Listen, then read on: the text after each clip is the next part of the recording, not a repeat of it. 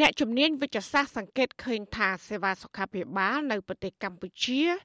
នៅមិនអាចបំពេញតម្រូវការចាំបាច់សម្រាប់ស្ថានភាពធ្ងន់ធ្ងរនៃអ្នកជំងឺ Covid-19 នៅឡើយទេ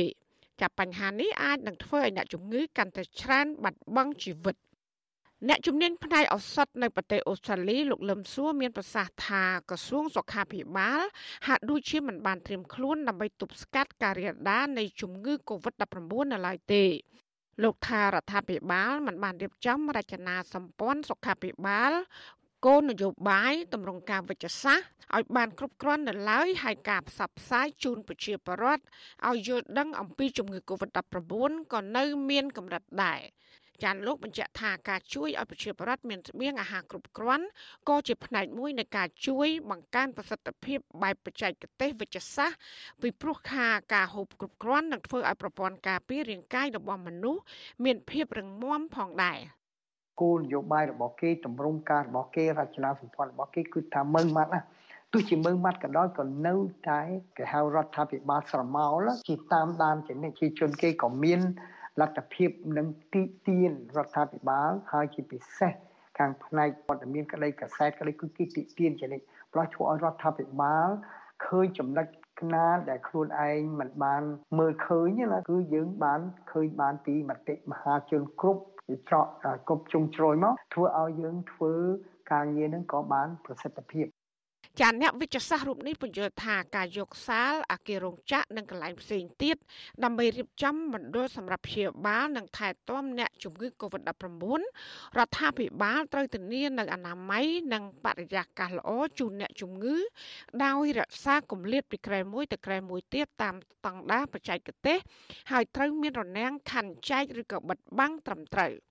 ចាលោកក៏ជំរុញឲ្យក្រសួងសុខាភិបាលរៀនសូត្របន្ថែមទៀតអំពីបច្ចេកទេសទាំងឡាយតាក់ទងនឹងការព្យាបាលជំងឺ Covid-19 ពីប្រទេសជឿនលឿនដើម្បីបង្កើនទំនុកចិត្តនិងធានានូវប្រសិទ្ធភាពការព្យាបាលថែទាំជូនប្រជាពលរដ្ឋ ប្រជារដ្ឋាភិបាលគឺត្រូវជួយផ្នែកសេចក្ដីសាស្ត្រតែម្ដងគឺថាធ្វើម៉េចឲ្យប្រជាជនកក់ក្ដៅយល់ដឹងហើយនឹងចិត្តសាស្ត្រគឺថាបើប្រសិនប្រជាជនព្រួយបារម្ភពេកធ្វើឲ្យប្រព័ន្ធការពារយើង immunity គាត់នឹងគឺខ្សោយអាម្ល៉េះគាត់ងាយនឹងឆ្លងបើប្រសិនប្រព័ន្ធការពារយើងខ្លាំងដោយសារគាត់ខូបមកហា ដែលខ្សោសុខភាពល្អហាត់ប្រាណមិនជក់បារីមិនហូបស្រាលក្ខណៈឡើងធ្វើឲ្យគាត់ងាយទប់ទល់នឹងជំងឺដែរហើយជាពិសេសគឺថាបង្រៀនគាត់ឲ្យតាក់ទងមិត្តភ័ក្តិបងប្អូនតាមទូរស័ព្ទដើម្បីដើម្បីឲ្យគាត់កុំឲ្យគាត់មានការព្រួយបារម្ភខ្លាំងពេក ចាស្រដៀងគ្នានេះដែរលោកវិជ្ជបណ្ឌិតហែនភិរៈមានប្រសាសន៍ថាកម្ពុជាដើរដល់ចំណុចក្រហមមួយ ដែលកំពុងជួបបញ្ហាប្រឈមពីព្រោះថាចំនួនគ្រូពេទ្យមានកំណត់ ហើយឧបករណ៍វិទ្យាសាស្ត្រនៅខ្វះខាតចាលោកបន្តថាការព្យាបាលអ្នកជំងឺបច្ចុប្បន្នគ្មានអ្នកវិទ្យាសាស្ត្រណាបង្ហាញពីវិធីសាស្ត្រនៃការព្យាបាលអ្នកជំងឺ Covid-19 ច្បាស់លាស់នៅឡើយទេប៉ុន្តែអ្នកវិទ្យាសាស្ត្រកំពុងប្រើប្រាស់ការព្យាបាលអ្នកជំងឺ Covid-19 តាមរោគសញ្ញារបស់អ្នកជំងឺចាវិជ្ជបណ្ឌិតរូបនេះសង្កត់ធ្ងន់ថាក្រៅពីព្យាបាលតាមឱសថអ្នកជំងឺក៏ត្រូវទទួលទានអាហារូបត្ថម្ភដែលមានវីតាមីនគ្រប់គ្រាន់ហាត់ប្រាណកំសាន្តហើយលើកទឹកចិត្តដោយជៀសវាងការប៉ះពាល់អារម្មណ៍ការរើសអើងជាដើមមកដល់ពេលហ្នឹងឲ្យមានប្រកោតជាបាលណាឲ្យច្បាស់លាស់ គឺគាត់ឆ្នាំប្រឆាំងនឹងកូវីដ19ហ្មងវាអត់មានទេឆ្នាំដែលយើងប្រើហ្នឹងយើងប្រឆាំងនឹងពាក្យប្រាថាវាសង្គ្រោមរោគសម្មិនដុំរោគសញ្ញាខ្លះខ្លះញ៉ាំក្អកអីឲ្យប្រូប្រូមេតាស៊ីនទៅឆ្នាំក្អកដែលយើងស្គាល់គ្រប់គ្នាហើយខ្លួនយើងឲ្យប៉ារ៉ាសេតាមុលអញ្ចឹងជាសបោច្រើនយើងឲ្យ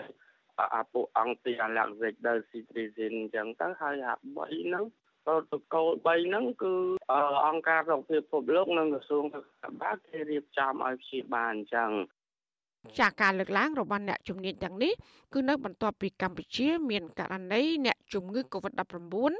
ស្លាប់ជិត100នាក់ក្នុងនោះមួយចំនួនស្លាប់មុនបញ្ជូនទៅដល់មន្ទីរពេទ្យហើយអ្នកជំងឺជាច្រើនទៀតកំពុងស្ថិតក្នុងស្ថានភាពធ្ងន់ធ្ងរបន្ថែមពីនេះករណីចម្លងក្នុងសហគមន៍ក៏បានកើនឡើងខ្ពស់ផងដែរ ចាស៊ីស្រីមិនអាចតកតងសុំការបំភ្លឺរឿងនេះពីប្រធានអង្គភិបអ្នកនាំពាក្យរដ្ឋាភិបាលលោកផៃស៊ីផាន និងអ្នកនាំពាក្យក្រសួងសុខាភិបាលអ្នកស្រីអាវ៉ាន់ឌិនបានទេនៅថ្ងៃទី28ខែមេសាដោយសារទូរស័ព្ទហៅចូលតែពុំមានអ្នកទទួលចំណែកអ្នកនាំពាក្យក្រសួងសុខាភិបាលម្នាក់ទៀតគឺអ្នកស្រីយុសម្បត្តិលើកហេតុផលដដែលថាអ្នកស្រីជាប់ប្រវល់ប្រជុំរួចក៏ចុចផ្ដាច់ទូរស័ព្ទ ចាចាប់តាំងពីមានផ្ទុះជំងឺ Covid-19 ទ្រង់ទ្រាយធំ និងមានអ្នកស្លាប់នេះមកក្រសួងសុខាភិបាលមិនបានផ្ដល់ព័ត៌មានពេញលេញនិងគ្រប់ជ្រុងជ្រោយដល់ប្រជាពលរដ្ឋនោះទេហើយសូម្បីតែអ្នកសារព័ត៌មានក៏មិនអាចតកតងសុំព័ត៌មានចាំបាច់ទាំងឡាយពីក្រុមអ្នកនាំពាក្យនៃក្រសួងសុខាភិបាលនោះដែរ ម្យ៉ាងវិញទៀតក្រសួងជំនាញមួយនេះហាក់ដូចជាចាំធ្វើតាមបញ្ជារបស់លោកនាយករដ្ឋមន្ត្រីហ៊ុនសែនក្នុងការផ្ដល់ព័ត៌មានអំពីស្ថានភាពជំងឺ Covid-19 ហើយនិងវិធានការជាក់លាក់ទាំងឡាយក្នុងការប្រយុទ្ធប្រឆាំងជំងឺមួយនេះចាអ្នកជំនាញខាងសុខាភិបាលគូបញ្ជាក់ទៀតថារដ្ឋាភិបាល និងក្រសួងសុខាភិបាលគួរតែស្វែងរកគ្រូពេទ្យជំនាញបន្ថែមទៀតដើម្បីឆ្លើយតបទៅនឹងតម្រូវការជាក់ស្ដែងនៅពេលនេះ។ ចាប់ប្រធានសមាគមគ្រូពេទ្យគុណធម៌កម្ពុជាលោកវិជ្ជបណ្ឌិតអ៊ូចវុធី មានប្រសាសន៍ថាកម្ពុជាអាចខ្វះខាតគ្រូពេទ្យជំនាញសម្ភារៈវិទ្យាសាស្ត្រនិងកន្លែងព្យាបាលអ្នកជំងឺមិនបានត្រឹមត្រូវហើយដែលបញ្ហានេះនឹងធ្វើឲ្យអ្នកជំងឺ Covid-19 ដែលមានសភាពធ្ងន់ធ្ងរអាចឈានដល់ការបាត់បង់ជីវិតចាលោកក៏អំពាវនាវទៅរដ្ឋាភិបាលឲ្យបង្កើនចំនួនគ្រូពេទ្យនិងអំពាវនាវដល់អង្គការសុខភាពពិភពលោក ឲ្យជួយឧបត្ថម្ភសម្ភារៈសុខាភិបាលបន្ថែមទៀតដល់កម្ពុជា ដើម្បីឲ្យគ្រូពេទ្យមានសម្ភារៈប្រើប្រាស់គ្រប់គ្រាន់ឆ្លើយតបទៅនឹងការរាលដាលនៃជំងឺ Covid-19 នឹងនេះល្អយើងត្រូវផ្ដល់គំនិតគ្រប់គ្នាទៅដល់ក្រសួងសុខាភិបាលទៅដល់ប្រមុខរដ្ឋាភិបាលដើម្បីបើសិនជាមានឆន្ទៈក្នុងការចង់ជួយប្រជាពលរដ្ឋពិតមែនយើងត្រូវរកគ្រូពេទ្យជំនាញជំនាញគ្រូគ្រូពេទ្យស្ម័គ្រចិត្តយើងចេះតែឆ្ងល់ហើយហេតុអីមិនប្រើអ្នកចេះយកមកបញ្យលមកប្រាប់ប្រជាពលរដ្ឋនៅអីកន្លែងហ្នឹងហើយប្រមុខរដ្ឋាភិបាលលោកអត់មានបានដឹងគ្រប់ជ្រុងជ្រោយទេព្រោះគាត់ការងារច្រើនណាការងារសាធារណៈច្រើនណាអញ្ចឹងយើងជំនាញខាងពេទ្យហ្នឹងត្រូវបញ្យលប្រាប់គាត់កុំឲ្យកុំឲ្យមិនហ៊ាននិយាយដោយសេចក្តីខ្លាចអាហ្នឹងវាអត់ត្រូវទេយើងត្រូវហ៊ាននិយាយត្រូវបញ្យល់ព្រោះយើងរៀនចេះប៉ុន្មានយើងនិយាយប៉ុណ្ណឹង គិតត្រឹមថ្ងៃទី27ខែមេសានេះកម្ពុជាមានអ្នកកើតជំងឺ Covid-19 សរុបជាង10000នាក់ក្នុងនោះភាគច្រើនជាករណីឆ្លងក្នុងសហគមន៍នៃព្រឹត្តិការណ៍20កុម្ភៈចាក្នុងចំនួនជាង10000នាក់នោះអ្នកព្យាបាលជាសះស្បើយមានជាង3000នាក់អ្នកកំពុងសម្រាប់ព្យាបាលមានជាង7000នាក់ហើយអ្នកស្លាប់វិញគឺមានចំនួន82នាក់ ចាក្រុមអ្នកជំនាញវិទ្យាសាស្ត្រជំរុញរដ្ឋាភិបាលរៀបចំគោលនយោបាយឆ្លើយតបជំងឺ Covid-19 ជូនប្រជាពលរដ្ឋឲ្យបានច្បាស់លាស់ដូចជាកញ្ចប់ថវិកាធនធានមនុស្សសម្ភារៈកន្លែងព្យាបាល និងការថែទាំអ្នកជំងឺ ដើម្បីធានានៅប្រសិទ្ធភាព ដល់ការព្យាបាលអ្នកជំងឺ Covid-19